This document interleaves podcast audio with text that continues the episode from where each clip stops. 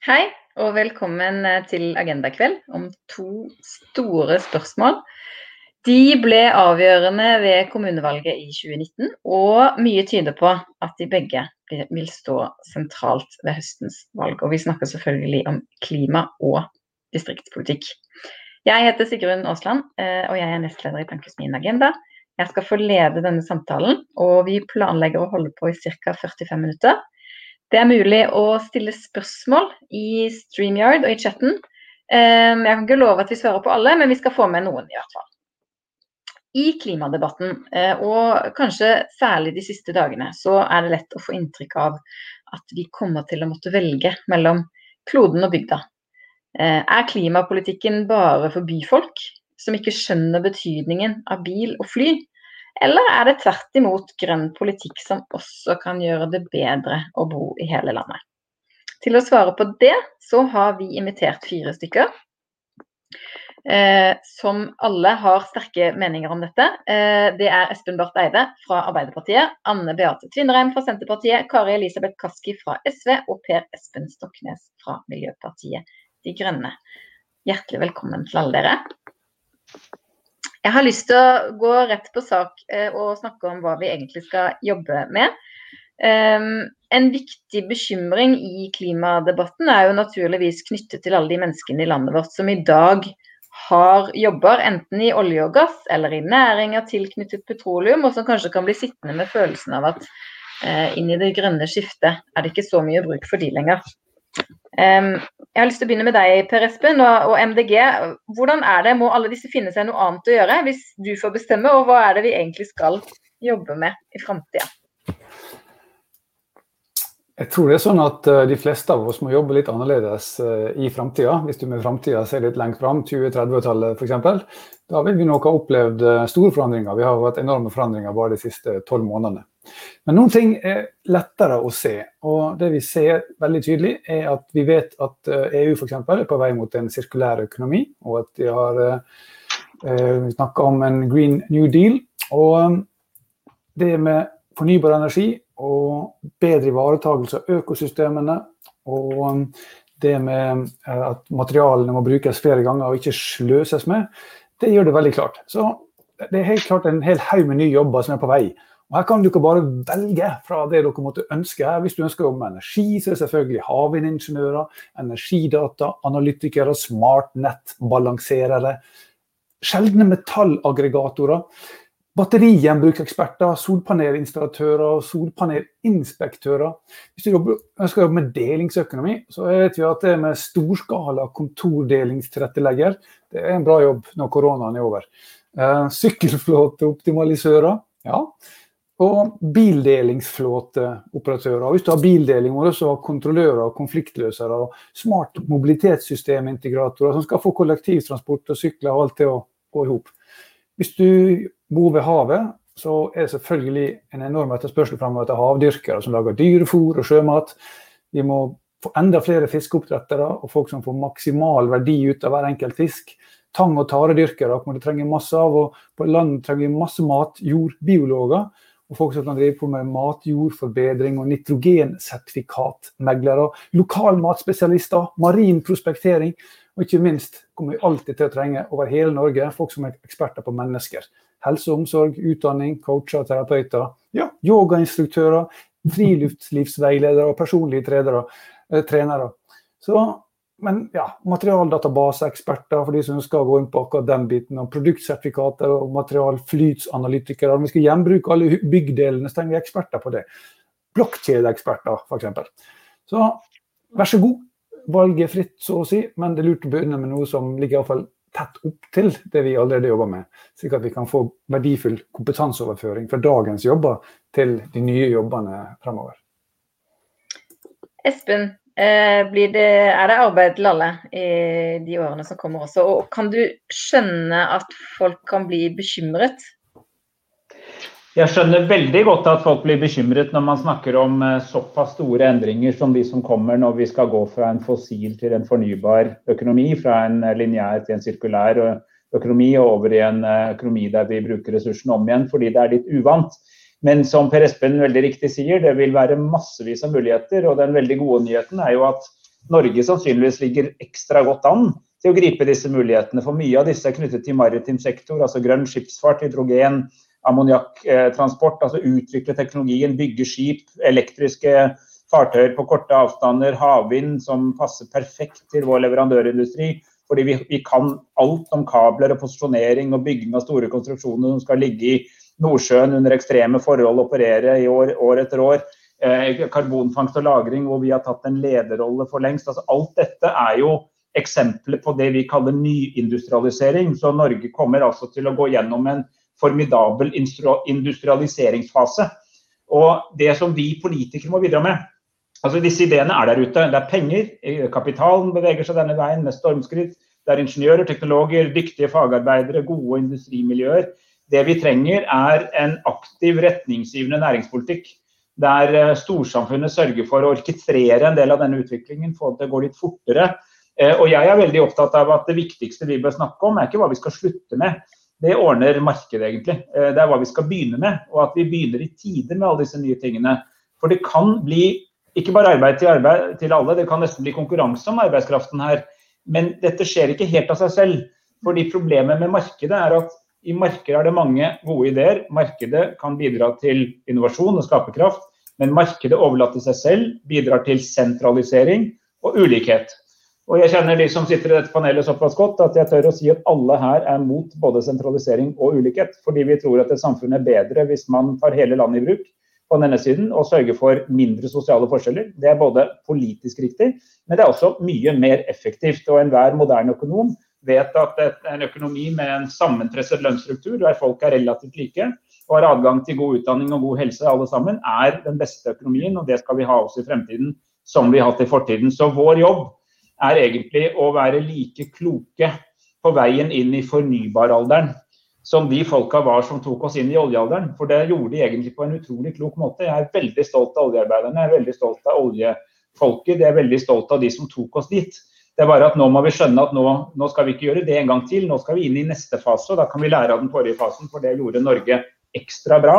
Og derfor lever vi gode liv i dag. Derfor har vi gode ressurser og muligheter til å ta dette mens det ennå er tid. Fordi at det vi driver med i dag blir ikke borte i morgen, men det blir borte til slutt. Og Da gjelder det altså å bygge opp det nye i tide. og Det er jobben til både politikken og næringslivet og folka i fagbevegelsen. Mm. Anne Beate Tvinnerheim, eh, jeg tenker at en av de virkelig store fordelene av mange fordeler med olje- og gassektoren som vi har blitt så rike på, er at den har skapt jobber i hele landet og langs kysten. Eh, og på veldig mange eh, små og store steder. Hva, hva skal til for at alle de nye jobbene ikke bare havner i byene? Nei, det er jo ganske enkelt. fordi at uh, akkurat som de fossile naturressursene som vi har uh, levd over evne på, så, så uh, er jo de fornybare ressursene også fordelt over hele landet. Og et annet viktig poeng som i forlengelsen av det både Espen og Per har sagt, så er jo mange av disse, mange av disse Eh, jobbene handler om praktiske yrker. Altså Vi trenger fagfolk, og vi trenger å styrke yrkesfag. For det er, det er den, mye av den type jobber vi trenger inn i sirkulærøkonomien. Og jeg må jo si at eh, en, en, dersom vi skal ha en, en sirkulærøkonomi på norske ressurser, så må jo også det meste av dette forvaltes og foredles i vårt land. Vi må bort fra en sånn markedsmodell hvor ting kan skipes eh, fram og tilbake og, og eh, være langreist. Så vi trenger flere jobber i Norge som også er eh, praktiske. Så det jeg er opptatt av, er jo at vi klarer den omstillinga her samtidig som vi bevarer det beste ved eh, norsk arbeidsliv, eh, som vi jo ser er i stor grad trua eh, av mange, mange, tendenser vi ser i dag. Eh, vi må sørge for at eh, eh, partssamarbeidet på en måte blir en del av denne omstillinga. Og så må vi passe på at, at, at den sammenpressa lønnsstrukturen som Espen refererte til, og kampen mot ulikhet, er en del av denne omstillinga. Og det tror jeg også alle her er enige om, at klimapolitikken må også ta sosiale og geografiske hensyn for at vi skal klare å utvikle det Norge vi er glad i, samtidig som vi har en grønn omstilling. Kari Elisabeth, jeg har lyst til å spørre, altså Mange av disse yrkene vi hører om her, og de mulighetene som ligger i norske naturressurser, det er kanskje lett å se for seg og, for, og tenke seg at det er masse muligheter på lang sikt, men, men den usikkerheten folk sitter med for eh, jobben sin i år og neste år og på kort sikt, hva, hva sier du til alle de?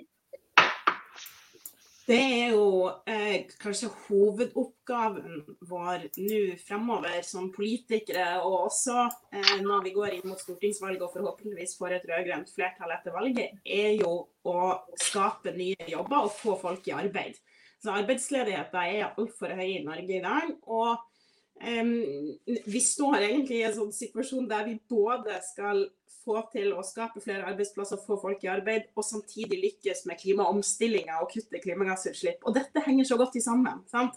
Og da har det jo sjelden vært større behov for en grønn ny deal, som jo SV har tatt til orde for. fordi vi trenger nettopp å bruke hele apparatet som vi har, alle virkemidlene våre, de store statlige musklene som vi bruker som krisepolitikk nå, og gi det en klar grønn farge. Og, og, jeg er jo bekymra for at mange muligheter har gått tapt det siste året i akkurat det. Altså Sjelden har vi brukt så mye penger det siste, eh, som vi har gjort i Norge det siste året. Og, og når vi sammenligner tallene, så ligger jo Norge langt bak de andre europeiske landene i, grønne, i, i, i grønn krisepolitikk. Både når det gjelder å stille krav til, til de som mottar krisepakker, men også at det er en tydelig grønn profil på motkonjunkturtiltakene som vi setter i verk. Og det er jo ja, Det mener jeg det må vi det må vi endre på. Fordi nå må vi sørge for at alle, alle, kreftene som vi setter inn, både på pengebruk og på, eh, på, omstilling, handler om å bygge opp nye næringer, tilrettelegge for det, og at dagens bedrifter og arbeidsplasser kan, kan omstille seg i grønnere retning. Og Det handler om å både trygge arbeidsplasser, det handler om verdiskapning, men det handler også om at Norges konkurransedyktighet skal eh, styrkes gjennom de kommende årene. Fordi vi, vi ser jo at eh, andre land går forbi oss nå og tar store markeder innenfor enten det er hydrogen eller det er på andre, andre, områder. Og det tror jeg ikke vi alltid helt forstår i Norge, da, når du hører den norske debatten, hvor, hvor mye, hvor raskt det egentlig den grønne omstillinga skjer internasjonalt nå. Mm. Espen, du så ut som du hadde lyst til å kommentere. Ja, ja, ja. Bare, bare, henge med på det Kari Elisabeth sier her. og det er at um, Et argument man ofte møter, da, det tror jeg vi alle har hørt av og til, liksom, hva skal lille Norge gjøre, for det skal ikke de andre gjøre noe da? Og Det argumentet var kanskje en gang i tiden litt interessant. Nå er det helt irrelevant, for de andre gjør masse. Eh, altså, som Per Espen var inne på, EUs grønne giv er en voldsom impuls i forhold til å endre retningen på hele økonomien, altså mot sirkulær og fornybar, og bruker altså veldig, veldig altså milliarder og milliarder av euro eh, for å stimulere en rask overgang. Nå vant Biden heldigvis i USA, det er jeg svært glad for. Også det som kom eh, med han, var altså at man også i USA sier at de, han skal lose Amerika fra det 20. århundrets fossile økonomi inn i det 21. århundrets fornybare økonomi. Og han er opptatt av de samme tingene som vi snakker om her. Det betyr at liksom, den, den nye normalen i moderne industriland. Du kan henge på både Japan og Sør-Korea og flere andre på det samme. Den nye normalen er nå å sikte mot netto null i 2050. Om 29 år så skal verden være karbonnøytral, i betydningen ikke flere utslipp enn det vi fanger opp. og Dette er nå offisiell politikk i, i, i de store økonomiene i verden. Det betyr to ting for oss. For det første så gjør det det veldig mye enklere for oss å få være med på dette, fordi det skaper store markeder for ting vi kan levere. Men det, annen, det, ligger også en advarsel, fordi hvis vi ikke skjønner det, så vil vi mye fortere bli sittende fast i en økonomi som de andre har forlatt. Så, sånn at her er det, liksom, Dette er en stor en meny av muligheter, men også en advarsel om at eh, nå er det på tide å få opp farten til Norge for å gripe disse mulighetene. Og Da kommer vi tilbake til ikke minst Anne Beates poeng om at dette må også ta hele landet i bruk. Det egentlig ligger noe naturlig an til at vi tar hele landet i bruk, fordi ressursene er der. altså Havet vi har litt hav i Oslofjorden, men det meste av havet er helt andre steder. Det meste av skogen, det meste av ressursene ligger andre steder i landet. Jeg tror faktisk at det grønne skiftet kan bygge landet enda mer. Altså Det kan bli mindre konsentrasjon enn det var. Altså Det grønne skiftet kan nettopp være det som gjør at vi nå virkelig får arbeidsplassene ut i hele landet der hvor ressursene og mulighetene er. Og så har vi teknologi. Sant? Vi har bredbånd, vi kan ha ladeinfrastruktur. Vi kan begynne med elfly på kortbanenettet i Nord-Norge før noen andre. Vi, vi, kan, vi kan nå komme i gang med nye ting hvis vi bare kombinerer samfunnsmål. Og Det er altså et samfunnsmål på klima, et samfunnsmål på nyindustrialisering for nye løsninger, og et samfunnsmål som er hele landet i bruk og små forskjeller. Så så lenge man har regjeringer som tenker det, så har vi allerede både forbrukere, og kapitaleiere, og ingeniører, og fagarbeidere og investorer som vil.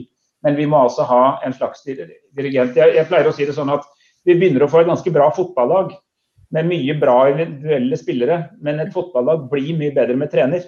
Eh, for som liksom sier hvem skal sentre til hvem når og sånn, og trene litt på det. Og da trenger du altså staten som treneren. Ikke staten som skal spille alle plassene, men staten som treneren i dette laget som skal ta oss inn i framtida. Per Espen? tenkte å løfte fram de tre store verdikjedene både i Europa og i Norge som er på en måte gjør dette konkret. og Det er nemlig mat, og det er bygg og det er mobilitet. Altså det å komme seg rundt. Og Alle de tre krever at hele Norge er med i forhold til å tenke rundt nytt om hvordan bygger vi. Hvordan får vi på plass en byggstruktur som er, gir oss komfortable liv, men med en brøkdel av energien vi gjør nå. Mat, hvordan får vi til eh, lokal sirkulering av næringsstoffer, om det er biogass eller om det er andre måter å få ta vare på næringsstoffene på. Tilbake igjen i landbruket, tilbake igjen. Fange det inn igjen fra den sløsinga vi har nå i oppdrett. Eh, skape jobber av å både utvikle og innovere til smart grønn mat med lavt fotavtrykk. Og mobilitet, at vi får ladeplasser, ladestasjoner i hele landet, slik at alle som ønsker det, kan få ta del i et uh, sømløst elektrisk mobilitetssystem. Om det er med elsykkel, buss, bil eller eltraktor eller hydrogentog eller hva det måtte være. Det er der vi skal. Og Det hjelper oss å gjøre det veldig konkret. Vi skal ha flere arbeidsplasser, mer verdiskapning, med mye mindre fotavtrykk på de tre verdikjedene. Får vi til det, så har vi liksom lykkes med å vri økonomien rundt. Ok, Jeg har et spørsmål til dere fra publikum. Eh, vi har fått mange gode spørsmål. Jeg tar de som handler om eh, jobber og næringsliv først. Dersom det er Sverige eller Danmark som utvikler kostnadseffektive vindmøller for strøm eller karbonfangstteknologi, er ikke det bare fint? Så kan vi gjøre noe annet spør Eivind Jørgensen. Men Kari Elisabeth vil svare på det. Ja, um, for det jeg syns er et kjempegodt eh, og, og, egentlig viktig spørsmål. fordi vi må passe oss på at det, det ikke blir en sånn eh, hva si, um, her skal vi bare utvikle våre egne løsninger og passe på det i Norge-mentalitet. For vi, vi, er jo helt avhengig av å, å lykkes i, i, gjennom et internasjonalt samarbeid hvis vi skal få til å løse klimakrisa. Og så er det jo en helt reell konkurranse der også, når det kommer til hvem er det som skal få et rom i de markedene og den etterspørselen som kommer til å komme, eh, etter klimaløsninger. Men, men, jeg tror at vi, vi, vi kommer til å trenge gode løsninger for både vindmøller og for karbonfangst fra flere land. Eh, I Norge så har vi to karbonfangstprosjekter på, på trappene som er både fra sement og fra avfallsforbrenningsanlegg. Hvis Sverige også kan utvikle innenfor andre eh, industrisektorer som, som, er avhengig av karbonfangst, eller komme fram til en enda bedre løsning, så er det for så vidt kjempebra. Men, men, vi trenger alle de prosjektene. Og, og, særlig på en del av den nye klimateknologien som akkurat karbonfangst, så er det snakk om volum, volum, volum for å egentlig lykkes her. Så vi må få flest mulig prosjekter opp for å få kostnadene ned og få teknologien til å bli best mulig. og Derfor så, så, så er det enormt viktig. Jeg, jeg tenker at det er sånn for Norge sin del også et klimarettferdighetsaspekt i det. da. Vi, vi har tjent oss uh, rik på å eksportere olje og gass. Det har vært en, en velsignelse for Norge, men det har også hatt en, en pris når du ser på klimaendringene. Og de, Derfor så mener jeg at vi også har et ansvar for å tenke at vi skal, ut, vi skal være med å finansiere og utvikle klimateknologi, klimaløsninger som også andre land vil kunne dra nytte av på ulikt vis. Og og måten Norge er engasjert i, i, fornybar energi internasjonalt, er et eksempel på det, og bør forsterkes. Sånn at flere land kan hoppe over den store fossile fasen som, som har vært i Norge. Jeg tror Per Espen også hadde lyst til å svare på det spørsmålet. Ja, I forlengelsen av det Karl Elisabeth sier, så er det ganske komplekse verdikjeder her, men som også da gir fantastiske muligheter. For F.eks. hvis danskene er superledende på å lage selve liksom, uh, girkassa og uh, vingene, så kan vi være supergode på å lage de flytende fundamentene. Og ikke minst på å optimalisere kabling og, vekt, og um, balansering av nettet mellom ulike land. Uh, energilagring i form av hydrogen, omstilling til flytende ammoniakk. Eh, så vi kan bruke både maritim og energikompetansen vår offshore, slik at vi bygger på det danskene og svenskene er gode på. Så Det er noen refleksjoner rundt akkurat det. Altså. Og um, selvfølgelig, hvis da svenskene kommer opp med suveren kjemi på, på karbonfangst og -lagringen, at vi bruker det til som Kari Elisabeth var inne på, nemlig å skalere det opp med, med de store volumene vi har tilgang til, så er det jo fantastisk eksempel på hvordan da det nordiske land kan samarbeide med innovasjon og grønn vekst. Der opplever at faktisk både Sverige og Finland er enda mer framoverlent. Og at tyngre investeringsmiljø Eh, selv om det har løsna i Norge de siste tolv månedene, så, så, er det mye også kapital som vi kan samarbeide med på svensk side og, og finsk til å, å skape da nordiske arbeidsplasser. Anne Beate. Ja, bare en kort kommentar til det. Altså, svaret på spørsmålet var jo er et ubetinga ja. Eh, konkurranse er bra, men den eh, klimavennlige teknologien må jo deles. Men samtidig så, så er jeg litt opptatt av å, å få fram at Norge har noen særlige utfordringer og noen særlige muligheter. Som, som, vi som norske politikere har et særlig ansvar for å ta tak i. Så Et eksempel er jo selvfølgelig denne avhengigheten vi har av petroleumssektoren, men som også gir muligheter fordi at vi har teknologi og kompetanse der som vi skal omstille. Fisk er et annet eksempel. ikke sant? Vi er en stormakt når det gjelder eh, produksjon av fisk. Og eh, med respekt å melde så er den ikke bærekraftig i dag. Men her ligger det jo noen muligheter for næringsutvikling som er helt fantastiske, og som må skje i Norge. Eh, og så en siste. Eh, Espen var så vidt eh, innom det. Men i Norge Eh, så er vi altså helt avhengig av innenriks eh, eh, flytrafikk. I en helt annen grad enn ja, vel nesten noen land i verden, og i hvert fall enn Sverige. For at Norge skal henge sammen, så må vi altså ha et kortbanenett. Og der er det mulig å ta ledertrøya på utviklingen av f.eks. elfly. Men det er ikke bare mulig, men det er også helt nødvendig. Fordi vårt kortbanenett har noen utfordringer når det gjelder topografi, når det gjelder kulde, når det gjelder vær, som gjør at altså disse, disse elflyene bør vi utvikle med utgangspunkt i Norge. Eh, hvis vi gir fra oss den muligheten til et land som ser helt annerledes ut, så er det faktisk ikke bare en mist næringsopportunity, men det er også eh, ganske dramatisk for, eh, for eh, framtidas eh, eh, distrikter. Så, så ja, bare en betraktning fra min side. Espen, du skal også få kommentere på det. Og så kan du ta med deg et spørsmål til som har kommet. og det er at Vi snakker mye om industri og industrielle arbeidsplasser. Men er ikke fremtiden først og fremst digital, er det en som spør. Ok.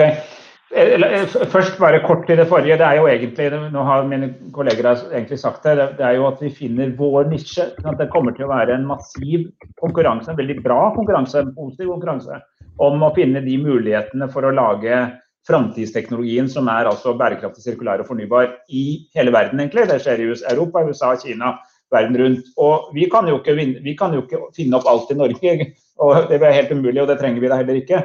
Det er at vi må finne de nisjene som bygger bro fra det vi kan mye om, som flere har vært inne på. ikke sant? Og det er faktisk sånn at oljealderen har gitt oss kjempebra verdensledende kompetanse som er helt perfekt for det som nå skal bygges. Og så veldig mye av det som er knyttet til maritim f.eks. er svaret på det, at vi må finne våre nisjer.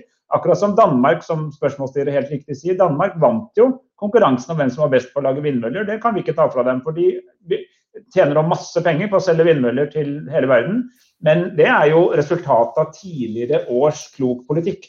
Hvor, hvor, staten brukte penger på det. Nå renner pengene inn i danske selskaper fordi man er best, rett og slett, optimalisert den teknologien. Men altså, eh, det er jo åpenbart at framtiden også er digital, og at den digitale revolusjonen er en viktig del av alt dette. Men, men altså, man skal jo også ha ting. Man skal også ha bygninger og flymaskiner og, og skip og, og, og konstruksjoner. Og industri blir jo ikke borte, selv om de digitaliserer verden. Og Norge har en ganske høy industriandel pga. maritim og pga. oljehistorikken og sånn.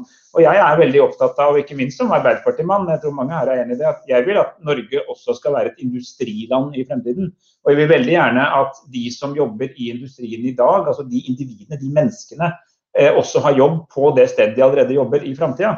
Og da trenger jeg, tror jeg, at en tilretteleggelse fra staten, storsamfunnet, for å bygge den broen mens det er tid, før det ordrebøkene begynner å bli tomme likevel, er utrolig viktig ved at vi finner våre særlige nisjer i forhold til hvor vi kan være særlig gode i konkurranse med andre mennesker. Fordi sannheten er det finnes intelligent liv i andre land òg, og de, tenker, de ser jo de samme trendene som oss.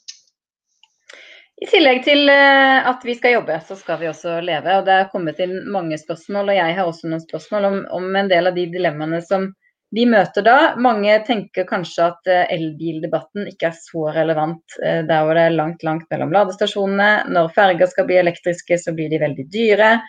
Eh, er klimapolitikken blitt en sånn byfolkpolitikk, Kari Elisabeth? Og, og trenger den å være det, eller burde den være det? Nei, altså, jeg tror heller ikke at den er det. Uh, og, og, selv om det kan bli liksom en sånn historie som fortelles tidvis i, i media, um, så, så, er den jo ikke det. Og uh, det, det, det, elbilpolitikken er jo egentlig mer viktig for distriktene og folk som har lange avstander, enn det det er for liksom, vi som bor i Oslo. Uh, som jo egentlig ikke skal kjøre så mye bil, og ikke trenger det i hverdagen heller. Um, men, men jeg tror at det som er viktig, det er at vi klarer å pare eh, en offensiv klimapolitikk med en troverdig politikk for å ta nettopp hele landet i bruk, for å desentralisere for, gjennom en nærhetsreform, egentlig, at beslutningene tas nært folk, og med en kraftfull fordelingspolitikk. For, og, og det her er kjempeviktig, fordi at landet vårt skal gjennom en ganske stor omstilling de neste ti årene. Det kommer vi ikke bort ifra. Jeg er helt sikker på at det blir en omstilling til det bedre, men det er en helt nødvendig omstilling. og enten så, så skjer det på en måte på folkets premisser, basert på planer som vi politikere legger frem og blir enige om, eller så skjer det litt sånn på markedskreftene sine premisser. For den omstillinga kommer uansett. Uh, og, og, da er vår oppgave som politikere, mener jeg, å sørge for at den skjer på folkets premisser, der den kobles da sammen med nærhetsreform og sammen med en kraftfull omfordelingspolitikk. Som gjør at vi også eh, ivaretar og forsterker samfunn med små forskjeller, og der alle er med. For ellers så, Uten små forskjeller og tillit mellom hverandre, så får vi ikke hele samfunnet med på den store omstillinga vi skal gjennom. Det kommer til å bli Eh, for mye motstand. Det kommer til å bli um, det kommer til å bli for vanskelig, rett og slett. Så, så, vi må lykkes med det her parallelt. For vi har ikke tida til å vente på uh, at vi skal, skal ja, redusere forskjellene før vi kan sette i gang. Vi, vi, er nødt til å gjøre det her samtidig. Og det blir uh, etter mitt syn det aller, aller viktigste prosjektet for for et, eh, et nytt rød-grønt flertall, og, og, er det viktigste prosjektet tror jeg egentlig for alle våre partier. Fordi at vi ser at det er de store store utfordringene for samfunnet vårt nå. Anne Beate, er det motsetninger mellom distriktene og klimapolitikken og fordeling? Nei, det er jo ikke det. Men jeg tror vi må ta inn over oss at det er skapt et inntrykk av det. Og at mange av oss som bor på landet, eh, når vi, når vi følger klimadebatten i Norge nå, får et inntrykk av at klimaet skal reddes ved at folk skal eh, bo i eh, tette blokker mest mulig i store byer og sentraliseres, og at man skal spise vegansk, og, og at man skal ja, rett og slett leve liksom veldig urbane liv. Det er det som skal redde klimaet. Og det, vi må på en måte klare å snakke, snakke Eh, eh, litt mer raffinert om hva som skal til for eh, å, å, å, gjennomføre gode tiltak der folk bor, og som samtidig gir gode liv. Men jeg tror mange har godt av å stikke fingeren litt i jorda og se hvordan denne klimadebatten har framstått litt uh, utenfra. Um, altså, det er, jo, det er jo bygda egentlig som eh, trenger elbiler. Altså Dere som bor i Oslo, dere kan ta buss og dere kan gå og dere kan sykle, men det kan, eh, kan ikke alle andre. Og nå får vi liksom inntrykk av at nå som elbilene Det, det er så mange elbiler rundt de store byene i Norge, så kan man liksom trekke stigen opp etter seg. Eh, eh, men det er, nå, det er, jo nå, vi trenger å få denne teknologien ut til bygda. Og da må det faktisk gjøres Da, da må, da, da må staten ta ansvar for å f.eks. få på plass ladeinfrastruktur. Fordi at markedet fikser åpenbart ikke det av seg sjøl. Og det er veldig urettferdig at man skal måtte vente så lenge på bygda med å få både bredbånd eller elbiler, når det er en forutsetning for å bo der. Og så um, tenker jeg at vi må, vi må tørre å tenke, tenke nytt. Jeg er jo litt bekymra for at klimapolitikken det neste halve året i forbindelse med klimameldinga skal handle om CO2-avgift. For vi er nødt til å klare å tenke litt differensiert eh, rundt det. Og det er ikke noe tvil om at eh, en CO2-avgift på eh, opptil 2000 kroner tonnet, sånn som regjeringa presenterer, det er antageligvis ikke tilstrekkelig for at folk skal vrake fossile biler uansett. Det må enda mer til. Så la oss liksom ikke begrense oss til det. I Sverige så har de en mye høyere CO2-avgift enn i Norge, men de har nesten ingen elbiler. Så vi må klare oss å tenke litt mer differensiert. Og jeg mener jo f.eks. at det er på høy tid at vi begynner å diskutere eh, klimabelønningsordninger og karbonavgifterfordeling. Altså, vi er nødt til å klare å tenke nytt kan vi eh, belønne de som tenker grønt, uten at vi straffer, eh, straffer folk som enten bor grisgrendt eller som har dårlig råd. Mm. Espen har eh, ja. lyst til å kommentere. Jeg er så inderlig enig i det Anne Beate sa nå. Det er utrolig viktig. Det er at vi, det ville være å gjøre bygda ja, først en skikkelig bjørnetjeneste hvis man aksepterte premisset om at klimapolitikken er for byfolk. For det du egentlig da gjør, er jo å låse fast Utkant-Norge i, i, løsninger som resten av verden forlater. Tvert imot. Og, og, der er bredbåndseksempelet veldig godt. Da vi fikk høyhastighets internett, så ble det åpenbart at f.eks. For, for å kunne jobbe fjernjobbe, så trengte du raskere internett. For å f.eks. gjøre det vi gjør nå, så være på en konferanse om dette. Og Det er jo ingen i Utkant-Norge som sa at nei, la oss beholde kobbertråden fra Televerket, for den passer så godt på en del av vår kultur. Det er ingen som finner på å si det. Nei, De sa det eneste fornuftige, som er at vi vil også ha. Og det, markedet klarer ikke, da må staten bidra, for vi vil også på nett med høy hastighet. Selvfølgelig sier de det.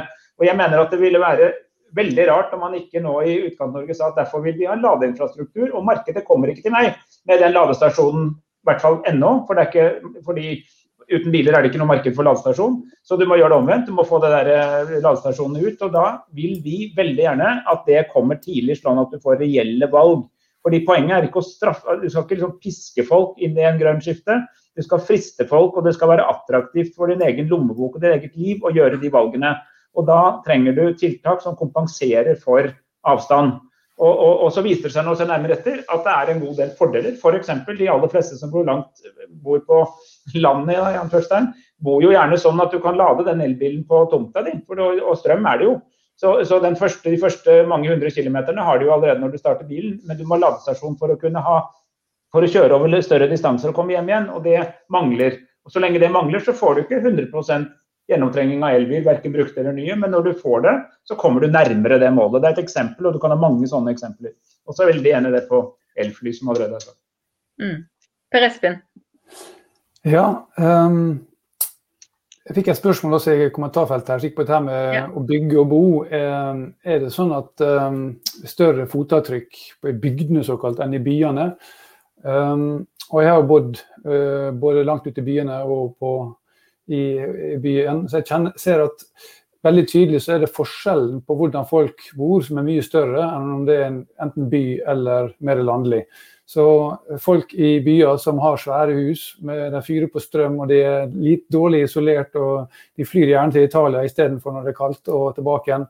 Eh, kjører dieselbiler. De vil ha et veldig mye større fotavtrykk når de er byboere enn de som bor på landet. Så de som forsøker å bygge en sånn kunstig skille mellom by og bygd, eh, at det er motsetninger, de plukker da helt selektivt eksempler for å løfte fram akkurat det. Så det vi trenger, det er en uh, inkluderende og utjevnende klimapolitikk. Og heldigvis er det masse eksempler på det, og jeg er kjempeglad for at uh, Ann Beate nettopp nevnte klima- klima, karbonavgift til fordeling. Det er jo den aller enkleste, og særlig hvis du legger på et lite distriktsledd der, slik at de som da bor i distriktene får enda litt mer utbetalt enn de som bor i byene. Og bare for å gjenta det, karbonavgiftsfordeling betyr at du legger på en solid pris, f.eks. en fem kroner på, på literen for bensin og diesel. Og så betaler du de, alle de pengene tilbake igjen til alle som bor i landet, med litt ekstra til de som har lengst avstander. Så Det er en genial modell. Da vil da eh, alle tjene mer på å legge om til lavutslipp. Og de som er best på det, og kanskje til og med ikke har bil, men avhengig av kollektivtilbud osv., de eh, vil få en stor utbetaling istedenfor å måtte betale. Så det er et eksempel på en inkluderende klimapolitikk.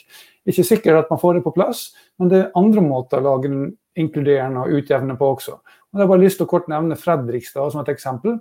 Det de gjorde der, var at de økte bomringsavgiften, men kompenserte det med et bedre kollektivtilbud, slik at det gikk hyppigere og rimeligere. Og med spesiell støtte da, til lavinntektsgrupper og barnefamilier som trengte ekstra å komme seg frem og tilbake. På samme måte øker da prisen på noe, og så betaler det tilbake igjen på de som har minst eller bor vanskeligst til. På den måten kan vi bygge ned denne konfliktlinjene mellom eh, land og by, som vi ser også i ferd med å rive f.eks. USA i stykker.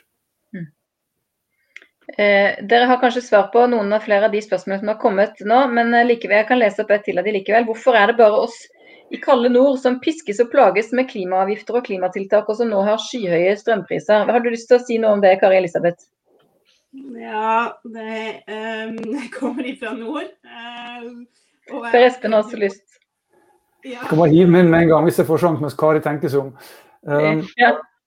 De som har sett på danske eller tyske strømpriser, de vet at strømprisene der er skikkelig høye. Ehm, så det at eh, vi skal piskes her oppe i det kalde nord, ehm, det er vel å ta litt hardt tid, særlig etter et år hvor 2020 hadde de laveste strømprisene noensinne. Ehm, men det som er veldig viktig, det er å se på hvordan vi balanserer det her med nettleie i forhold til strømprisen, og sørger for at de som faktisk investerer i å bruke veldig lite strøm fordi de isolerer så godt, eller de som velger da å få solceller på taket og prøve å selge og kjøpe det til naboen, slik at du kan få svarte lokale eh, strømsystemer. Eller dem da som har strøm på låven og bruker det på, til å lade sin egen elbil osv. De må få en regning som reflekterer det at de har sjøl bidratt til å skape fleksibilitet og, og, smarthet i nettet. Og Der er ikke vi i dag. Så det er mye å gjøre eh, fremdeles. Men um, at vi uh, lider fælt sammenlignet med dansker og tyskere, det, det tar litt hardt i. Anna Beate, ville du også kommentere? Til, ja, eller jeg, jeg, har bare lyst til å føye litt til eh, på resonnementet til Prespen. fordi at um, altså Det er klart at uh, vi det er, det er, surt hvis vi klarer å få enkelte, altså den, den, den, enkelte innbygger, den enkelte næringsdrivende til å gjøre disse omleggingene. Og CO2-avgift kan jo til en viss grad bidra til den omlegginga. Men det forutsetter jo at man klarer å ta investeringen med å få ny teknologi på plass. Det er derfor jeg tenker altså det hjelper ikke bare med CO2-pisken. For hvis, du, altså hvis ikke du mm. klarer å gjøre den investeringen i teknologi, så er det, er det krevende. Eh, hvis det bare er mm. driftskostnadene ved omlegging man snakker om, så er det jo mye enklere. ikke sant? Så det er derfor jeg, jeg, altså, jeg, Vi må slutte å se oss så ensidig, altså se så ensidig på, på, på eh, klimaavgiftene. fordi at det, det, det er ett verktøy som må gå hånd i hånd med andre verktøy. Kari Elisabeth, og så Espen etterpå. Ja, um, vi kan la strømpriser ligge litt. Men, men til diskusjonen om CO2-pris, så tror jeg det er bare kjempeviktig for det første å liksom, ha liksom grunnprinsippet der at det skal koste å forurense. Det, mener, liksom, det kan man liksom ikke gå bort ifra, og det er viktig. Samtidig er jeg enig med Anni Beate i at prising av utslipp får liksom uforholdsmessig stor oppmerksomhet i klimadebatten, når vi vet at vi også kan ta i bruk andre tiltak. Som, som kanskje er mer sånn styringseffektive, egentlig. Hvis du forbyr noe, som ofte også liksom, kan få alarmklokkene til å ringe, da har du faktisk gjort det. Og eksempelet her er på oljefyr. For der økte man avgifta på fossil fyringsolje, og man varsla et forbud. Og så ga man støtteordninger på alternativene. Og det funka som fjell. Fordi da hadde du satt en dato der frem i tid. Da er det forbudt da, med, fossil, med, med å ha en oljefyr i kjelleren. Fram til da så ble det gradvis dyrere. Men du, du, hadde også støtteordninger sånn at du kunne bytte ut med varmepumper eller biopellets eller hva det måtte være. Og det har funka dritbra. Så, så det, det, det, er liksom, tror jeg, en kjempeviktig modell å overføre også på andre områder der du kombinerer virkemidler. Og så må vi også huske på, mener jeg, at for å få um, oppslutning rundt de klimatiltakene som vi skal gjennomføre, så må vi også litt bort ifra å alltid snakke om at det er enkeltindividet som skal gjøre noen ting. Fordi eh, det høres ut som det, alt løser seg hvis en sjøl på en måte lever mer miljøvennlig. Og det skal vi også gjøre. Men det er også liksom, store eh, Både industrien, oljeindustrien, næringsaktører som kjører tungtransport på veiene, de må også bidra. Og vi må synliggjøre at også de er med på den dugnaden og det løftet som vi skal gjennom, også tar deler av regninga. Fordi at det er klart det her kommer også til å koste framover. Og, og, da har vi ikke si, som finanspolitiker bare råd til å, å, drive på med støtte fra staten til det. Det må i så fall, mener jeg, prioriteres til de områdene der det virkelig er viktig for å ha med folk, til å kunne liksom sørge for at det jevnes ut, eller du får liksom store teknologiløft innenfor næringslivet. Men utover det så må også bransjene sjøl være med på å finansiere de klimakuttene og omstillingene som skal gjennomføres framover. Espen, eh, du skal få kommentere på alle tiltakene som nå har vært eh, foreslått, hvis du vil. Og så har det kommet et veldig konkret spørsmål. Hva med å innføre gode, veldig gode ordninger for kjøp av landbruksmaskiner, f.eks. eltraktor? Eh, det var veldig, men det, det, passer altså ekstremt bra at det var det som kom. For jeg hadde nettopp tenkt å gå til landbruk. Fordi det skjer så utrolig mye spennende nå i landbrukssektoren. Og Bondelaget og alle de verdensledende forskningsmiljøene vi har i Norge på alt fra genteknologi til annen måte energi, presisjonsgjødsling, til, liksom, til bruke stordata, digitalisere mye av landbruket, bruke sånne små, moderne landbruksmaskiner som erstatter de gamle. Det, det, er så store potensial for å produsere mer sunn norsk mat med mer sunt norsk fôr eh, og få ned klimautslippene samtidig. Og landbruket det bugner av ideer. Eh, men da kan man ikke bare komme til landbruket og si liksom, her er en CO2-avgift. Man sier at nei, vi vil, vi vil liksom ta dere, vi vil være med på den transformasjonen som gjør at vi kan utvikle løsninger som ikke bare får ned utslippene i Norge og får opp kvaliteten på det vi spiser i tillegg, men som også faktisk kan da være eksporterbare og til og med kan bli eksportindustri. Så, så Derfor er det så viktig, og det tror jeg vi er veldig enige om her. Altså, vi er nødt til å si at forurenser betaler. Vi slipper ikke unna prinsippet om at forurenser betaler. Men hovedpoenget må være å hjelpe folk til å slutte å være forurenser. Og Hvis du ikke forurenser, så trenger du ikke å betale for forurensningen heller. Så poenget er, ikke sant, Formålet er ikke å piske opp lagerfolk, det er å akselerere en utvikling. Og dette er jo ikke noe den enkelte bonde eller enkelte bedriftseier liksom kan finne på alt dette selv. Så må liksom ha, må, Teknologien må gjøres tilgjengelig. Og der mener jeg at det er veldig mange lavthengende frukter.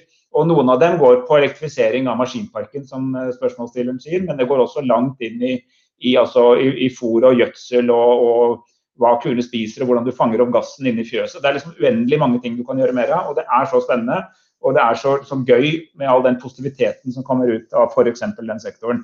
Og jeg har en mistanke om at Anne Beate er litt enig i det. Sammen.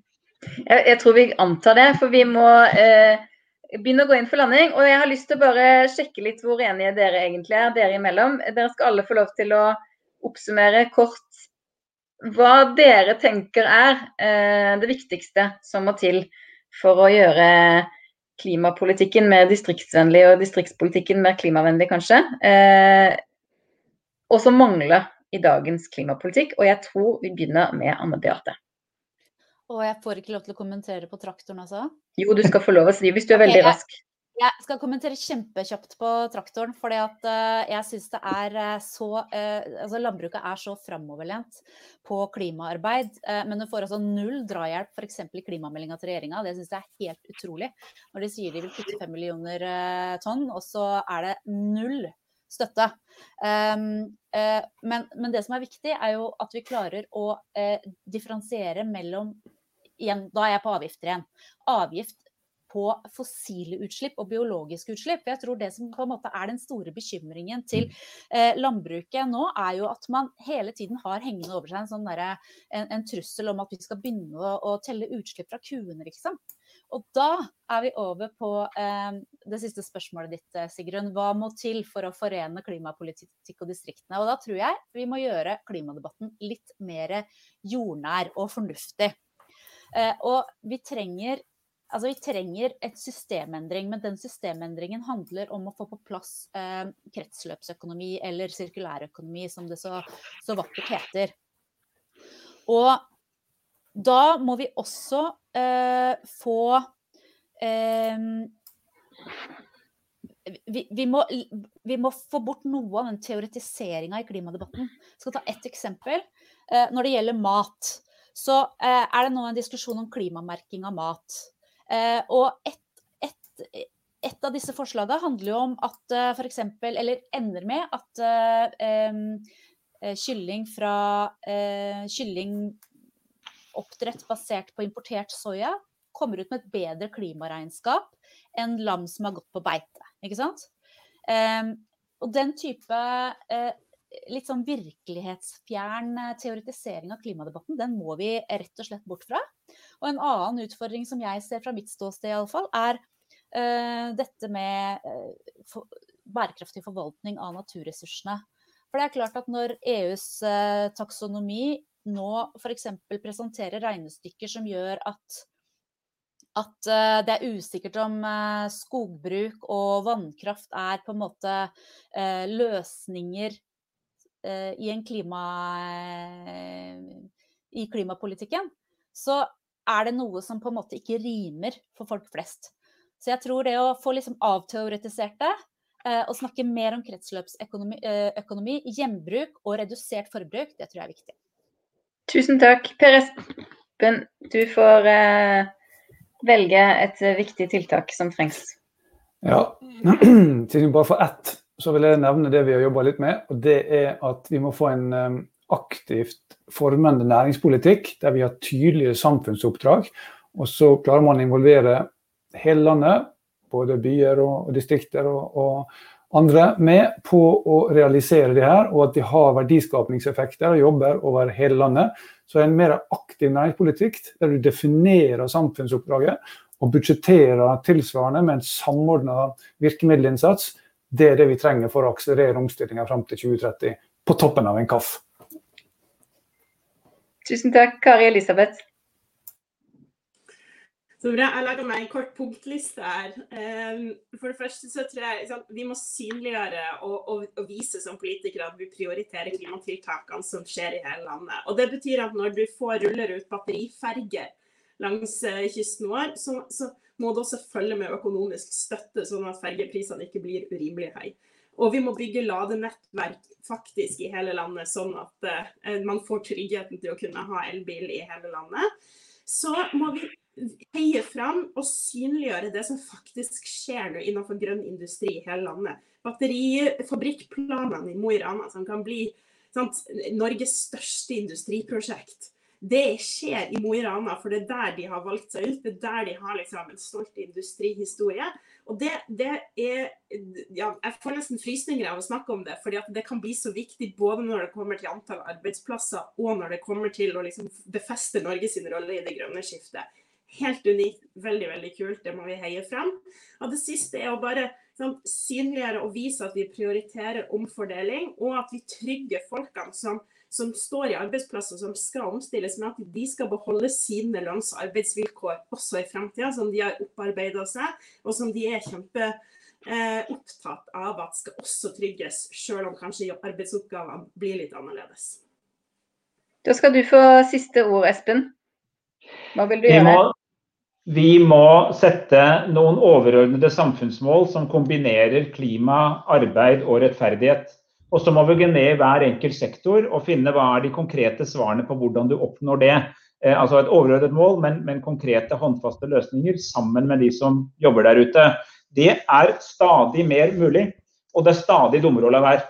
Og jeg, var, jeg har lyst til å slutte med at jeg var for to dager siden med på prestasjonen av noe som het Prosess21 i, i, prosessindustrien. De sa at vi kan halvere utslippene, fordoble eksportverdien innen 2030, men det trenger, krever en aktiv næringspolitikk. Men så sa de en ting til. Det motsatte går ikke. Fordi hvis vi fortsetter som nå, så vil vi miste markeder til andre land som er midt oppi den omstillingen. Så, så, vi, så, det vi trenger, er altså noen som tør å bruke statens muskler til å støtte opp om alt det som allerede skjer, med en tydelighet og en retningsgivende næringspolitikk. Og det gjør meg veldig optimistisk. Både for at vi snart lander en god rød-grønn posisjon på klimameldingen, men at vi også kan lage et godt eh, program en gang i fremtiden når vi skal eh, styre landet. Fordi dette er fullt mulig. Det er faktisk sånn at verden venter på at noen tar dette grepet i Norge, slik de nå gjør i EU, og USA og i Asia. Tusen takk. Tusen takk til dere fire. Tusen takk til alle som hørte på. Denne debatten er ikke ferdig, men eh, vi ses snart igjen. Takk for i kveld.